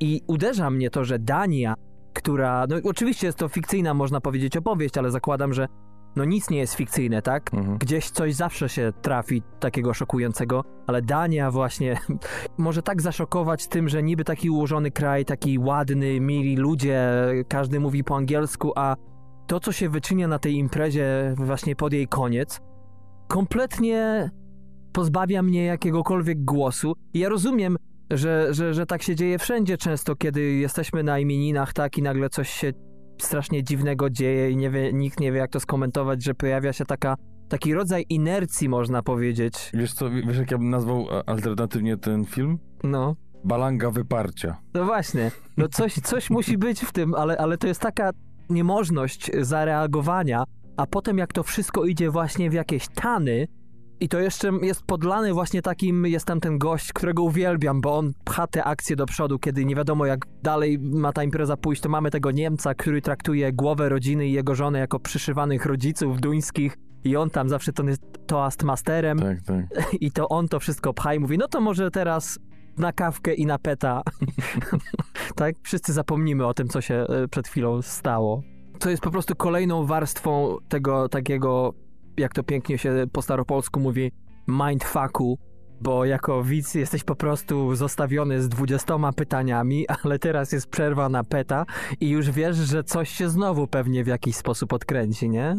No jest tych twistów tutaj, mm, tym bardziej, że mamy jeszcze do tego szefa kuchni, który jest mocno za naszym głównym bohaterem i jego przyjaciel z dzieciństwa, który też tam y, trochę namiesza w akcji. Mhm. Chociaż wydawało mi się, że więcej, ale jednak y, no, przynajmniej wstrzymał towarzystwo. Tak, tak. I tak jak ci mówiłem przed anteną, że oglądałem ten film z żoną i tak jak mówię, musieliśmy być na początku związku i żonie musiało bardzo zależeć na tym, żeby ze mną film oglądać, bo myślę, że dzisiaj po tych Starała iluś latach nie usiadłaby, nie usiadłaby do takiego filmu. A tak jak jej zawsze tłumaczę, że polecam jej, może nie wszystko jej pasuje, wiadomo, Mhm. ale ile rzeczy, których najlepiej w ogóle nie ruszyła, jak Ex Machina No tak. w kinie, czy właśnie ten film, mm, akurat w domu, są jednymi z jej ulubionych filmów od czasu, kiedy jesteśmy razem, ale jak ciężko ją namówić do tego, żeby to zaczęła oglądać i, i naprawdę No tak. y, ją poruszył i, i, i w ogóle wymowa, ale też y, sama ta warstwa realizacyjna, nie sama historia, tylko nie jako dokument, chociaż akurat ona jest Mhm. fanką dokumentów, ale sam film w ogóle ją zauroczył, więc nawet ostatnio mówiła, no festyn dopiero teraz? Ja mówię, no to, to tak słuchasz nas, że nawet nie wiesz, że jeszcze nie było? Garem. No właśnie, ale to jest dobre to, co mówisz, bo y, tak naprawdę właśnie na tym polega siła, moim zdaniem, dzisiejszego obrazu, na tym, że to nie jest film, w trakcie którego sobie wyrabiamy, przynajmniej ja wyrabiałem sobie jakiś punkt widzenia, jakieś większe opinie poza ogólnymi. To jest po prostu coś, co się dzieje, wrzuca ciebie i nie ma czasu nawet, żeby się ogarnąć w trakcie tego. To musi po prostu minąć, żeby człowiek w końcu wyłączył ekran monitora i posiedział chwilę w ciszy i pomyślał o tym, nawet nie o tym, co zobaczył, tylko żeby po prostu te emocje w człowieku się jakoś przekomputowały i ułożyły na nowo. No bo to tak jak wspomniałeś, tutaj mamy naprawdę wiele rzeczy, które się spotyka gdzieś po środku. Warstwa realizacyjna, sama tematyka. No mamy też to wspomniane przez ciebie rozwarstwienie tych światów, bo nie dość, że mamy jakby, ja to sobie tak widzę, dwa ludzkie, to znaczy mamy tę warstwę górną, czyli tutaj szlachtę, można powiedzieć w cudzysłowie, ludzi, którzy siedzą za stołem i jedzą posiłki, wykwintne posiłki z wykwintnych talerzy, wykwintnymi łyżkami, a pod ziemią mamy właśnie tego przyjaciela, o którym powiedziałeś, szefa kuchni, który zawiaduje tym wszystkim. Oprócz tego mamy, tak jak wspomniałeś, Trinę Dirholm i Pije, czy też kolejną, która akurat tutaj ma związek z Christianem, znają się i też jest między nimi pewna więź. Jest Michelle oczywiście, której z kolei no, po drodze z drugim bratem, Michelem, to, to, to jak nic nie powiedzieć, ale też jest tutaj pewne powiązanie. I te dwa światy się przenikają. Tak jak ty powiedziałeś, że ten kucharz jest hamulcowym tego wszystkiego, że dzięki niemu to się nie wykoleja. I takie moje pytanie, zanim przejdę do trzeciego świata, który też w tym filmie ciekawie się moim zdaniem pojawia, trochę jakby łamiąc, nie wiem czy założenia tej dogmy, ale trochę łamiąc konwencję tego filmu. Zanim do tego przejdę, to właśnie moje pytanie jest, czy tutaj w tych dwóch światach, czy było miejsce u ciebie na jakiś komentarz społeczno-polityczny a propos tego, bo to się pojawia bardzo często właśnie w różnych recenzjach. Świat wysoki i niski. Czy to ciebie uderzyło? W jaki ty sposób odebrałeś tę taką troszeczkę dychotomię? Wiesz co, no, do tamtego światła na dole, oprócz tego szefa kuchni, który no, jest jakimś tam też postawionym mm, wysoko jednak pracownikiem i oczywiście kelnerki, czy tam dwóch kelnerek, o które gdzieś tam jakieś pokątnie, no jedna nad jedną z głównych ról gra, ale druga też jest dość znaczącym elementem tej historii. To tak zbyt wielkiego, wiesz, poglądu nie mamy na to, moim zdaniem. Mm. Jedyne co, to, to jakby zapatrzenie się w ten świat, tak? Tych lepszych, tych bogatszych i gdzieś tam chęć dołączenia, bo zakładam, że romans, który gdzieś tam wyniknął rok temu na jakiejś imprezie, to też miało być, pochodną tego miało być to, że ona, dziewczyna wciągnięta w ten romans zostanie porwana przez tego bogatego i wyciągnięta na, K- Księcia z bajki. mhm. na powierzchnię, dokładnie. To oczywiście y, z, założenia już było y, niemożliwe, znając nawet tę, tą osobę, chociaż nie wiem, czy, czy ten, akurat ona pracowała wcześniej, znając tego brata. Mhm. No tak, y, specjalnie oczywiście kręcimy w jednym Tak, miejscu, tak. żebyście wiedzieli o czym, o czym jest, ale nie wiedzieli kto z czym, żeby nie tłumaczymy. Na tym polega też mniej więcej spoilerowanie niespoilerowaniem, można powiedzieć. Bez kontekstu trochę, Dokładnie. W, którym to my się już od trzech, prawie czterech lat kształcimy. chociaż dla was to, to może trochę być mylące.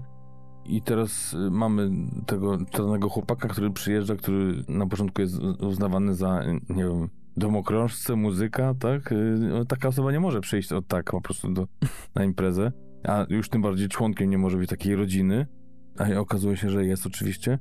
Więc to mamy tylko takie nakapanie, tak moim zdaniem, tym klimatem tej niższej sfery. No a ta wyższa, no to ciężko, ciężko.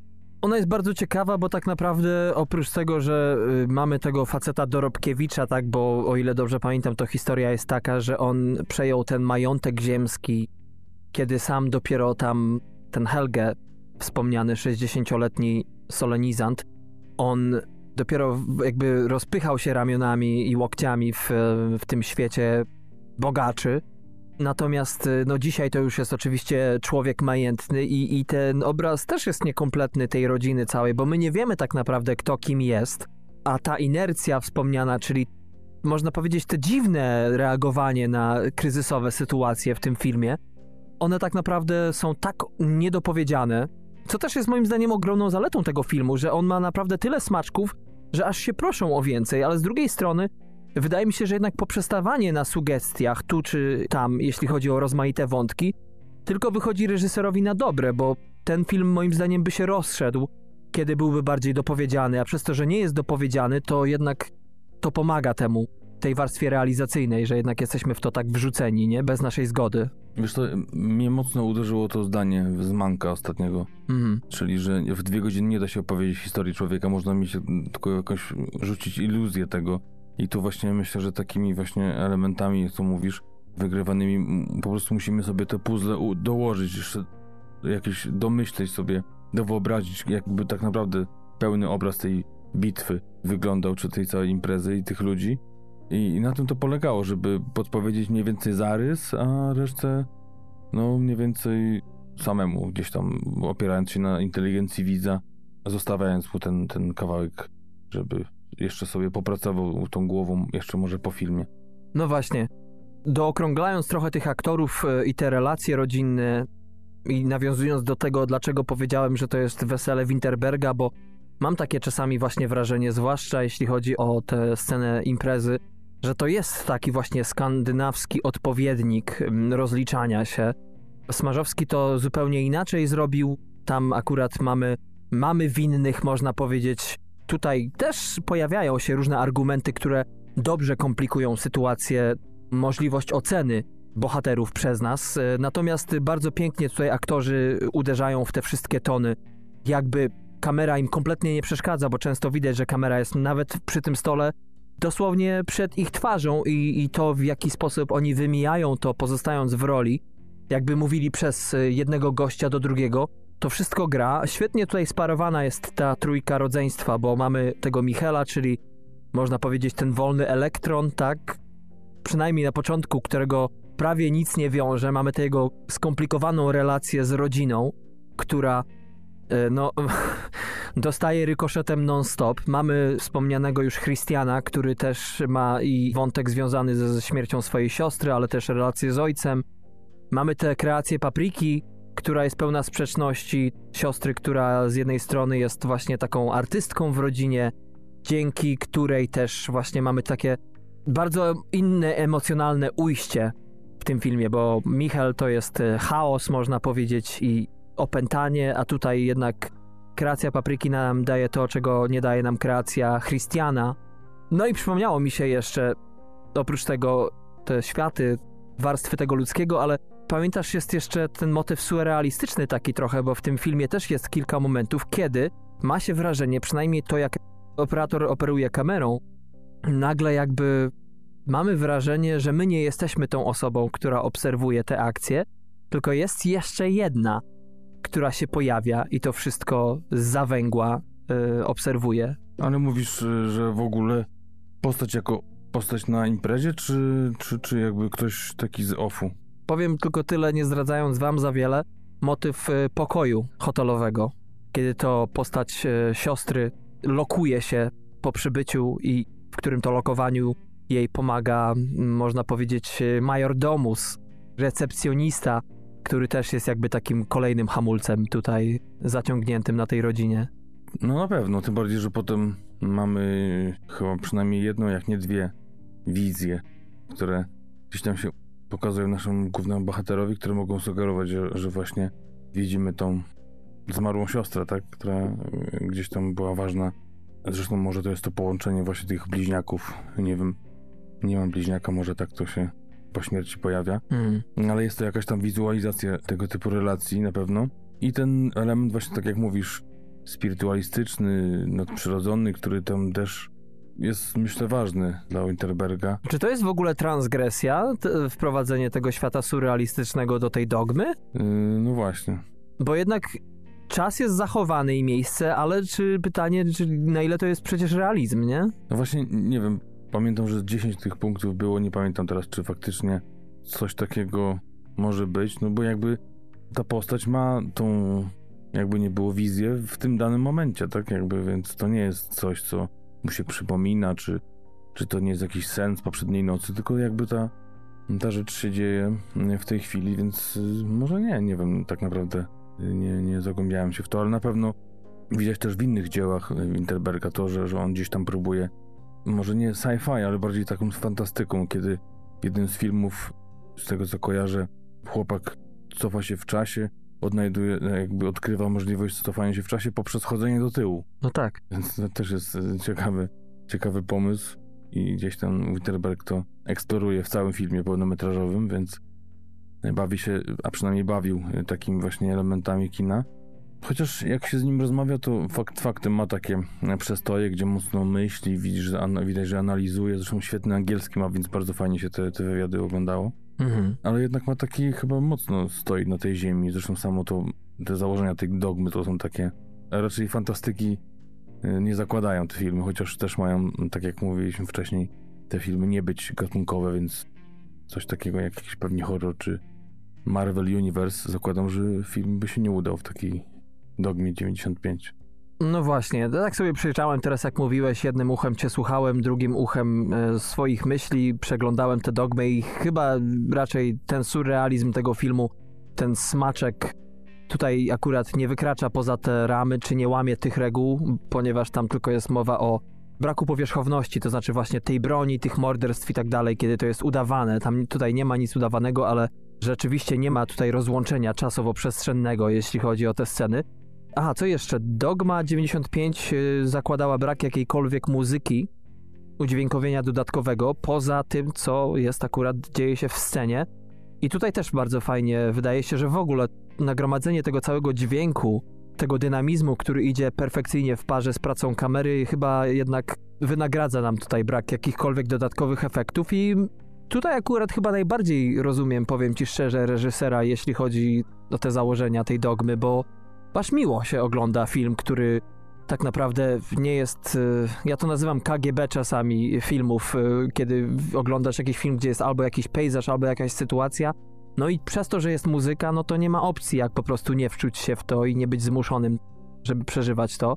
Co nie jest zarzutem, ale doceniam to, że ktoś potrafi się tego wyzbyć i y, znaleźć inny środek wyrazu, który sprawi, że że raz, że ja jestem jako widz kompletnie zauroczony tym wszystkim, to jeszcze dwa, jest to naprawdę bardzo fajna przypominajka o tym, że da się jednak realizować filmy, że są jednak inne możliwości, że, że nie, nie warto się ograniczać tym, czym raczy nas Hollywood, wzorować się na tych wszystkich rozwiązaniach, jak tu jeszcze lepiej kamerę poprowadzić, jak ją tutaj bez szwu zrobić, że jednak są o wiele prostsze metody, żeby pokazać e, i mocno niedoużyte przy tym. Tak, z drugiej strony właśnie widać chyba od razu jak, jak dusił się w tej dogmie ten Witterberg, bo przecież już w roku zakończenia nawet istnienia tego ruchu w 2005 już w filmie Moja droga Wendy, tak naprawdę broń to jest główny bohater całego filmu, bo mamy e- e- ekipę chłopaków, którzy zakochani w swoich rewolwerach,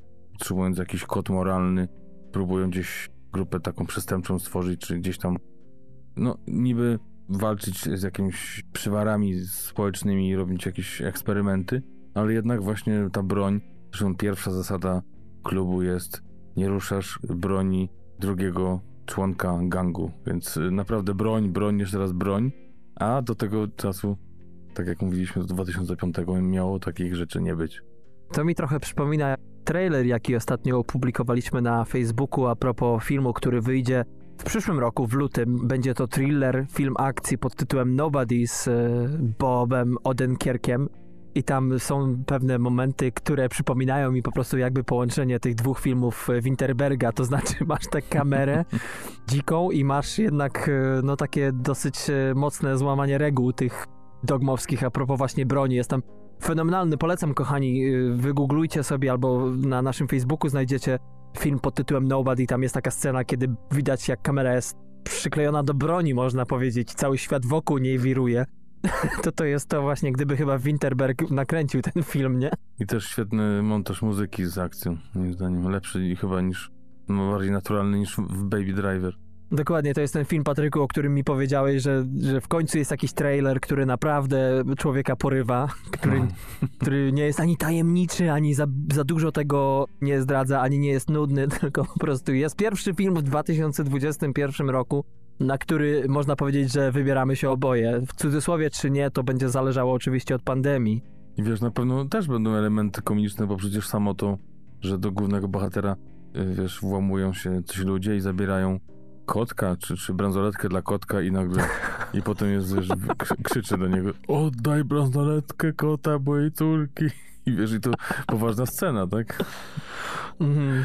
Także, y, a zresztą dzisiejszy film trochę właśnie dziwi mnie ta taka awersja y, naszego reżysera, bo był sprzedawany jako czarna komedia, Mhm. gdzie sam wrzucał takie właśnie oczywiście ironiczne, mocno podszyte dramatem sceny rozmowy, na- nawet z, może nie sztucznym uśmiechem, ale, ale takim prawie, gdzie właśnie specjalnie chciał łamać te wszystkie zasady takiego dramatu tekstem bardziej komediowym i nagle się jakby zaparł, że to nie może być sprzedawane jako czarna komedia. No i bo, bo taką pewnie nie jest, ale, ale takie mocne postanowienie, tak jak ostatnio strasznie głośno jest o Denisie Villeneuve, Mhm. który ostatnio mocno zaprotestował przeciwko sprzedaży Warner Bros. do, do jakiejś firmy, z tego co kojarzy, z branży IT, która w, zupełnie w ogóle przejęła kontrolę nad jego filmem Duna i ma być w internecie i w ogóle no tam masakra się dzieje, Mhm. że tak aż artysta musi wychodzić przed film, żeby go bronić, chociaż już sprawa jest przegrana No tak. to tutaj y, właśnie nie, jakby, jakby on potrafi żartować, ale jak ktoś sobie zażartować chce z jego filmu, to już nie bardzo. Trochę tak jak mój Włoch, z którym pracuję ostatnio, też tak jakoś tak ze, z siebie to tak nie bardzo by się pośmiał, ale z innych to No jak właśnie. najbardziej. No, tak to czasami bywa. Tomas widać, że, że strasznie jest. Chociaż wyszedł bardzo szybko z tej dogmy, to jednak w niej w pewien sposób pozostał. Trochę tak przypomina mi się żart z jakiegoś filmu, czy to z jakiegoś wywiadu, było chyba Between Two Ferns. Zapytany, do you practice religion? No, I perfected it. Nie. Więc tutaj y, doszedł do perfekcji przy pierwszym filmie i już nie musi się tak dalej stosować. Tak jakby w ciągu ostatnich dwóch godzin nie popełniłem grzechu ciężkiego, więc ja już sobie dziękuję z tym religią. Tak ja już umiem. Ja już to znam. A powiem ci szczerze, że naprawdę y, ten film, tak jak sobie teraz o tym myślę, to ciężko mu odmówić tego, że no jednak nie doprowadził go do perfekcji tej formuły. Z tego względu, że jak sobie myślę o tym filmie i o tych wszystkich założeniach, to oczywiście można sporo tu się wycwanić, ale no jednak jest prawdą to, tak mi się wydaje, co jakby niektórzy twierdzą, że było przyczyną rozpadu w ogóle tego całego ruchu. Problem był taki, iż jednak te filmy z 98 roku, kręcone tą kamerą i tak jakby na VHS-ie, no jednak wyglądały naprawdę profesjonalnie, nieprofesjonalnie. Natomiast podobno twórcy dzisiaj, z dzisiejszą techniką, próbujący opierać się na dogmie, na tych wszystkich y, ortodoksyjnych zasadach, jednak to nie wychodzi dobrze. Zresztą to już widać moim zdaniem przy kolejnych filmach, bo widziałem, tak jak mówię, jeszcze dwa inne z y, tego braterstwa. Oprócz tego kilka innych przejrzałem od tak i nie wiem, czy to nie było tak, że Winterberg i y, Von Trier zdali sobie sprawę, dogadali się, że stary, chyba jednak nie stworzyliśmy coś, co ma szansę zaistnieć szerzej, bo mimo tych 31 filmów oficjalnie stworzonych, według wyznaczników dogmy, bo jednak to ta forma mocno ogranicza. No niestety dzisiaj już się tak wycwaniliśmy, że pewne rzeczy, Mhm. że jednak jest tylko jakby skończona ilość sposobów, w jaki możesz zrealizować dany temat właśnie tak ortodoksyjnie, tak organicznie, jak to jest zrobione w dzisiejszym filmie. A jeszcze dla takich geeków, jeżeli chodzi o technologię, to mm, dodam tylko, jeśli chcecie zrobić film w podobnej jakości, to nie wiem, czy znajdziecie jeszcze na rynku na Allegro, czy gdzieś takie stare kamery, ale to, to było Digital Handycam PC3 z kartą pamięci 4 megabajtową i z nad małym pilocikiem, także to było to, to było to, czego Winterberg używał przy tym filmie. To jak ja sobie pomyślę o 10-sekundowym Oczywiście Sony. jak sobie pomyślę o, o 10-sekundowym filmie nagranym przez, wiesz, idioten Samsung, nie? Czy, czy innym Pixelu i, i ile to zajmuje przecież, nie? Nakodowane, ile tego w tym jest, ile tych filtrów wrzuconych i tak dalej, tej stabilizacji. No tak czy siak, w zasadzie wydaje się, że wystrzelaliśmy się dość sporo na temat tego filmu. Przed nagraniem dzisiejszym zdawaliśmy sobie sprawę z Patrykiem, o czym nie wspominaliśmy na początku odcinka, że jednak ciężko się mówi o takich filmach, o których naprawdę nie można nic powiedzieć, bo się odbierze sporo z tego, a też z drugiej strony, no, jak tu dookreślić jakąś akcję, która jest skomplikowana, która w zasadzie opiera się na jednym założeniu, ale jest tego tyle, że, że w zasadzie tylko byśmy się powtarzali. Ale jakoś się udało dociągnąć do przyzwoitego czasu i coś o tym opowiedzieć. Ciebie bym, Patryku, poprosił o podsumowanie tego filmu i wystawienie oceny. W jaki sposób byś go mógł zarekomendować, jeżeli jeszcze tego nie uczyniliśmy naszym słuchaczom? Przede wszystkim przestrzegam przed takim podejściem do tego filmu, jak ja miałem na, za pierwszym razem. Raz za bardzo nie czytajcie recenzji, nie słuchajcie. Myślę, że my mniej więcej wyczerpaliśmy temat, jeśli chodzi o sprawy techniczne. Może coś więcej o produkcji było, ale za mało, za dużo o tej fabule nie było, dlatego że to jest bardzo ważne, żeby to odkrywać razem z rozwojem akcji. Jak najmniej, to tym więcej. Też uważajcie na to, żeby na was nie przestraszyła ta pierwsza kamera, pierwsze ujęcia takiej brzydkiej z ręki, takiej rozdrganej paralitycznie. To jakby aktorstwo, historia, to wszystko i potem nawet wykorzystanie tej kamery wszystko nadrobi, bo moim zdaniem ten początek jest mocno taki no trzeba zawierzyć tak filmowi, że, że będzie dobry, żeby pójść za nim dalej. Poczekajcie do sceny z samochodem i będzie. Tak. Ja się zatrzymałem po kilku minutach i, i żałowałem potem, Mhm. chociaż to tylko kilka dni było, ale jednak. Więc dajcie mu czas. To nie jest dużo, godzina 45. Film y, niesamowity, film, który poraził mnie, moją żonę, która generalnie takich filmów raczej nie ogląda. 8.0 na IMDb. Film na pewno dla widzów o mocnych nerwach, bo, bo też troszeczkę przygnębionym można wyjść z niego. Nie ma tutaj wiele pozytywów, chociaż tak jak wspomnieliśmy w odcinku, jest dużo takich elementów komicznych w trakcie, więc taki trochę śmiech przez łzy czasami się pojawia, chociaż nawet może nie przez łzy, może przesadzam, ale, no ale jest kilka miejsc na oddechy, właśnie czego brakowało w ostatnich produkcjach, takich jak właśnie serial ostatnio z Markiem Ruffalo, czy, czy inne filmy. Tutaj jednak jest, chociaż temat jeszcze cięższy, to chyba jednak da się to jakoś y, przeżyć. Na mnie zrobił niesamowite wrażenie za pierwszym razem, za drugim podobne, chociaż już nie takie mocne, a więc tak jak mówiłeś Darek y, przed nagraniem, film na raz. Też tak uważam, ale raz mocny do zapamiętania i do wspominania i do moim zdaniem polecania. Ja daję 14,5 na 15, bo, bo to jest chyba jeden z ważniejszych filmów w moim życiu. Jak zwykle przypadkowych. No ja, ten przypadek mój, on się nazywa Patryk po prostu i to ty mi wrzucasz takie kamyczki do ogródka non stop, więc e, nigdy nie jest nudno. Pierwsza rzecz, jaką powiedziałem żonie po seansie tego filmu, to to, że jak poślizgniesz się i zejdziesz z tego świata, nie daj Boże, nie obejrzawszy jeszcze tego filmu, to bardziej ci tego nie będę w stanie wybaczyć niż to, że mnie opuścisz. Przewrotnie i tak powiedziałem, ale troszeczkę w klimacie dzisiejszego dramatu. Ale tak jest, że to jest jeden z tych filmów, tak jak Walc z Bashirem, jest tą animacją, której po prostu nie ma jak dostać nigdzie, bo takie filmy po prostu nie powstają na szeroką skalę przynajmniej, o nich nie wiemy, w takiej jakości. Tak wartość dzisiejszego filmu właśnie jest jakby dookreślona też dzięki temu, że jest to pierwszy i tak naprawdę ostatni film Winterberga w tym stylu. To nigdy nie zostanie po prostu powtórzone w taki sposób, w jaki to zostało zrealizowane. I też jest taka mocno przyziemna warstwa wymowa tego filmu. To, że wiesz, każda rodzina mimo wszystko jest czy piękna, czy mniej, to jednak jest w jakiś sposób kaleka. To przygniata tutaj na różne sposoby, nie tylko jeśli chodzi o wartość wizualną, ale właśnie, ale przede wszystkim też to, co wisi w powietrzu. Ktoś zapytał się z recenzentów, jak to jest możliwe, że ta rodzina w ogóle potrafi się zebrać jeszcze w jednym domu. To jest coś, co moim zdaniem żyje już we mnie w widzu po seansie tego filmu. Luki, o których się mówi często, że ten film ma, zwłaszcza w warstwie fabularnej, w drugiej części, dla mnie nie są lukami, bo to nie jest po prostu film o tym. I gdybym tak się nastawił, tak jak czasami wydaje mi się, że coraz częściej jednak recenzenci nastawiają się, że dany film ma być czymś, a jak nie będzie, to go jedziemy, bo nie, nie wypełnił jakichś tam wymagań. Dla mnie to jest 15 na 15. Daję mu te pół, które ty mu nie dałeś, ale tylko dlatego, że po prostu nigdy wcześniej nic takiego nie widziałem i wątpię, że po tym, a jak mówię, próbowałem kilka filmów dogmy i nic się do tego nie zbliżało, więc dlatego taka wysoka ocena, ekscytujący film. Co ciekawe, w 99 roku uznany za najgorzej dubbingowany film w Niemczech i bardzo dobrze, bo, bo może w końcu się oduczą gwałcić te filmy tak strasznie. No i oficjalny kandydat do Oscara Danii w tamtym roku, który niestety koniec końców nie trafił na tę listę pięciu. Ja tylko dodam do tej krytyki, że po pierwsze to zakładam, że dałem 15 w ciemno za pierwszym razem, za drugim Ty sobie to odjąłeś za twój stosunek do filmu, tak? Ch- Chyba tak. Jakby odpowiedź na tą krytykę jest to, że po prostu czas leczy rany. To są już dorośli, bardzo dorośli ludzie, którzy gdzieś tam razy ukrywali tą całą sytuację, więc rodzeństwo.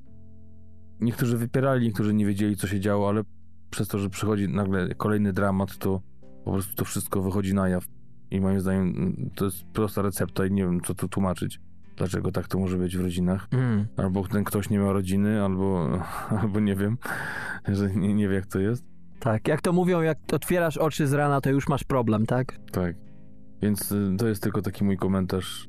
Serdecznie polecam i cieszę się, że tak ci się podobał, bo dla mnie to było coś ważnego, ale to, no to tak właśnie ważne, ale nie wielkie, więc, więc fajnie, że też tak zadziałało u ciebie. Mam nadzieję, że kochani u was też tak będzie. Tak jest. Ten film nie tyle, że wnosi jakąś konwersację do przestrzeni publicznej na temat właśnie kondycji człowieczej, zupełnie nie. Natomiast y, podaje to w sposób, w jaki się po prostu tych rzeczy na co dzień nie podaje, przynajmniej w tak mainstreamowym mimo wszystko kinie. Festen z 98 roku, kochani, Tomasa Winterberga, dramat. Polecamy bardzo. Na naszej stronie internetowej www.tmfpodcast.com znajdziecie notatki do dzisiejszego odcinka. Będzie także zwiastun, rozpiska czasowa. No a oprócz tego polecamy się oczywiście na naszych mediach społecznościowych, na Instagramie i Facebooku pod aliasem TMF Podcast. Jesteśmy dostępni na Twitterze TMF Dolny, podkreślnik podcast. I oczywiście słuchajcie nas gdzie tylko chcecie, czy to jest YouTube, Lekton, iTunes, Spotify. Wszędzie tam jesteśmy, wszystkie aplikacje. Nawet ostatnio nas znalazłem na amazon.com. Nie wiem, jesteśmy do kupienia za 0 zł czy 0 dolarów, nie wiem. A 0 dolarów to lepiej chyba brzmi niż 0 złotych. Chociaż nie próbowałem nas kupić, więc Bo my jak Winterberg jesteśmy nie do ruszenia po prostu. A do końca roku, cóż, na pewno moja połówka się jeszcze pojawi, bo jak to Patryk ostatnio powiedział w mini recenzji a propos Manka, że na pewno do końca roku jesteśmy z wami i naszą przerwę zimową tym razem nie robimy przed świętami, a w styczniu tak wychodzi na to, mm, jeśli chodzi o publikację odcinków. mhm. No i ruszamy z kopyta, co, po nowym roku albo jakiś pełny odcinek, albo podsumowanie roku, prawda? A może, może coś obiecamy, że to będzie na przykład polska produkcja. uuu. I tak, wiesz, mocno głęboko. To trzeba się zastanowić, bo tej polskiej produkcji jeszcze nie ruszyłem. To znaczy, próbowałem, ale tak jak ty z festem nie miałem dnia. No tak, ale, ale Darku, ale mamy jeszcze półtora miesiąca, więc mówimy o tym, co będzie w, lutym, tak? A nie to teraz, więc No, chodzi po prostu o to, żeby naszym widzom, przepraszam, słuchaczom obiecać, że pierwszy odcinek będzie polski film, bo pewnie też czekają, bo mało tych polskich produkcji poruszamy. słuchaj, chyba, że zrobimy tak. My ze swojej strony obiecamy, że rozpoczniemy polskim akcentem i to nam musi się udać, ale jeżeli mielibyście, kochani, jakieś sugestie, jakiś prezent pod choinką, który chcielibyście dostać po nowym roku, to też bardzo mile widziane są wasze sugestie. O, jest, mamy dużo czasu, więc y, jak do końca roku jakaś sugestia ciekawego filmu, ciekawej perełki polskiej, bo naprawdę ciężko nam znaleźć nieznaną, dobrą produkcję, to bardzo będziemy wdzięczni i, i gdzieś tam na pewno się odwdzięczymy. Tak jest. No chyba, że po prostu są jakieś znane, ale mocno zapomniane waszym zdaniem i dzisiejsze pokolenie, czy powiedzmy no ludzie wychowani już w schyłkowej warstwie PRL-u i w górę, raczej nie sięgali nigdy do pewnych produkcji ze względu na to, że być może nie starzały się dobrze. No też zawsze jest jakieś wyjście. W każdym bądź razie zdajemy sobie sprawę, że nie za wiele tych polskich produkcji, chyba że uda nam się jeszcze mini recenzja z serialem polskim, o którym już wspomnieliśmy, także cały czas szukamy, kopiemy i, i będzie dobrze. W każdym razie ja, ja się postaram jeszcze nie pożegnać, bo mam nadzieję, że jeszcze się z Darkiem jednak przy jakiejś mini recenzji z wami zobaczę, czy usłyszycie mnie, a Darek na pewno dwa razy jeszcze w tym roku, więc on będzie miał okazję. Ale w razie co, to wesołych świąt, chociaż no to tak trzymam kciuki, że jednak jeszcze raz będzie mi dane do was mówić w tym roku. Ty najpierw wróć z tej Irlandii, napij się piwa w końcu i, i dopiero pogadamy wtedy. Dokładnie. Dziękuję Patryku za kolejne godziny spędzone, jak to nam ostatnio Spotify podsumował 13 tysięcy minut, żeśmy wyprodukowali w, w okresie jednego roku, jeśli chodzi o nasze odcinki. tyle papieru toaletowego zmarnowany. No, pff, przede wszystkim. Na łzy, oczywiście. Ja też dziękuję. Trzymajcie się, kochani. Miłego dnia, wieczoru, nocy, miłego weekendu, czy też właśnie, tak jak mówiłem, świąt. I do usłyszenia w kolejnym odcinku. Pa, pa.